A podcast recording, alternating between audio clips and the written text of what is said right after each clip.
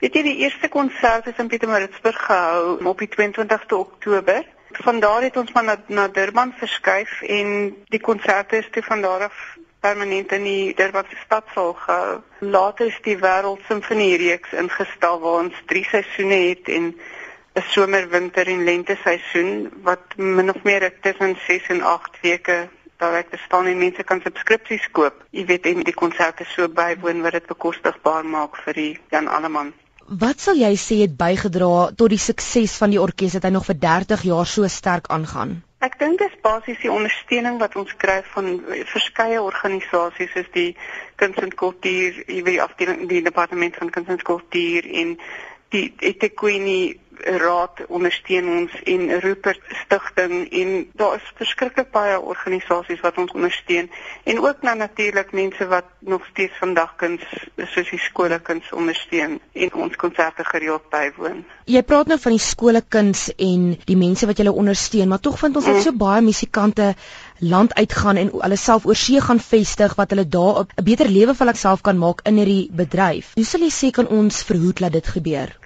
Weet jy, ek dink as ons meer ondersteuning kry vandag, ek dink mense raak 'n bietjie lui en, en wil nie altyd uitgaan en konserte bywoon nie. Dit is baie makliker om net by jou TV te sit en en TV te kyk as om uit te gaan na 'n konsert en ook die veiligheid is daarvan. Jy weet mense, veral ouer mense en ons ek sal sê 80% van ons intekenare is pensionaarsse wil nie in die aande uitgaan nie.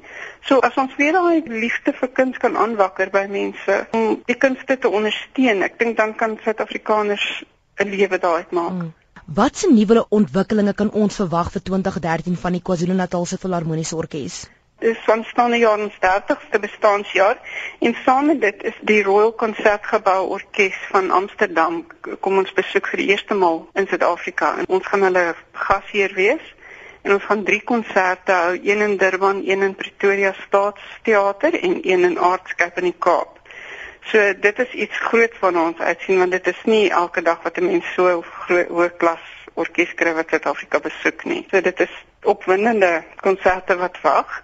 En dan het ons natuurlik ons somerseisoen wat die van die 7de Februarie tot die 14de Maart sal duur. Dit is ses konserte en almal het al het plaaslike en internasionale soliste en dirigente wat deelneem daaraan. Ons maak ook gebruik van plaaslike kore, so dit is altyd 'n groot aftrek, jy weet mense hou daarvan om kore te sien. En julle uitreikprojekte, is daar enigiets wat julle spesiaals beplan? Weet jy, op die oomblik besoek ons gereeld skole. Elke week besoek hulle skole as ons seisoen nie besig is nie. Dan hou hulle konserte en dan hulle opvolg. En elke jaar is dit so van 'n nuwe jy kry die beginner en dan hulle verbeter elke jaar en begin ook by die klein kindertjies en tot natuurlik universiteit ouderdom. Jy praat nou van weet jy, jy gaan na skole toe en hierdie kinders word geïnspireer, weet dat mm. hulle ook eendag dalk moontlik kan deel wees van die orkes, maar die orkes bestaan uit soveel verskeie mense van verskillende mm. lande af. Mm. Is daar tog nog 'n kans vir kinders van ons land om betrokke te raak by so iets? Ons het 'n ons het 'n kadet uh, program waar ons kadets gebruik in ons orkes wat ook 'n uh, vaste salaris kry en dit is meestal mense wat van klein plekkies afkom. Ons het ook 'n hele paar kadets op die oomblik uh, wat verskillende instrumente bespeel wat van die Botshabela groep afkom in Bloemfontein.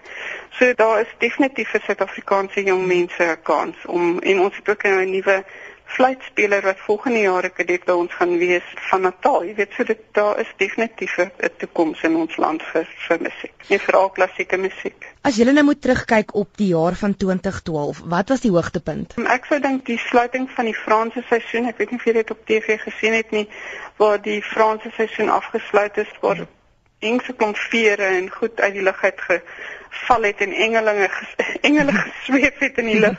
Maar dit was baie interessant, maar ons het 'n baie goeie seisoen gehad, ons lente seisoen verlede jaar.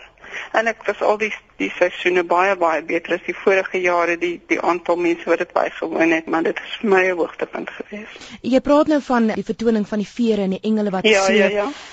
Dink jy mense smag meer na daai tipe vertonings of gaan dit op die einde van die dag nog steeds oor die musiek? Of weet jy dit gaan oor die musiek, maar ek dink met dit is altyd iets as 'n mens iets nuuts kan hê vir mense. Dat, mm. Jy weet dit is altyd iemand wat geïnteresseerd is daarin en hulle is veral meer geïnteresseerd omdat hulle nie aldag so iets in Suid-Afrika sien nie. Jy het vroeër vinnig genoem van julle beplanning vir 2013 en julle somerseisoen. Is mm -hmm. daar enige bekende of spesiale soliste en dirigente wat ons kan verwag? Ja, weet jy Ben Skuman is natuurlik altyd 'n um, 'n hoogtepunt. Hy gaan ons finale konsert doen met 'n uh, baie bekende pianis.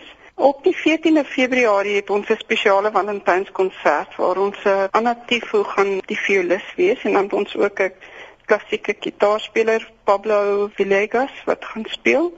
En dan gaan ons die die laaste konsert van die seisoen sluit ons af met Ben Skuman wat 'n klavierkonsert vir ons gaan speel en hy is altyd baie gewild in, in Durban. Ek dink oral in Suid-Afrika ondersteun mense hom graag.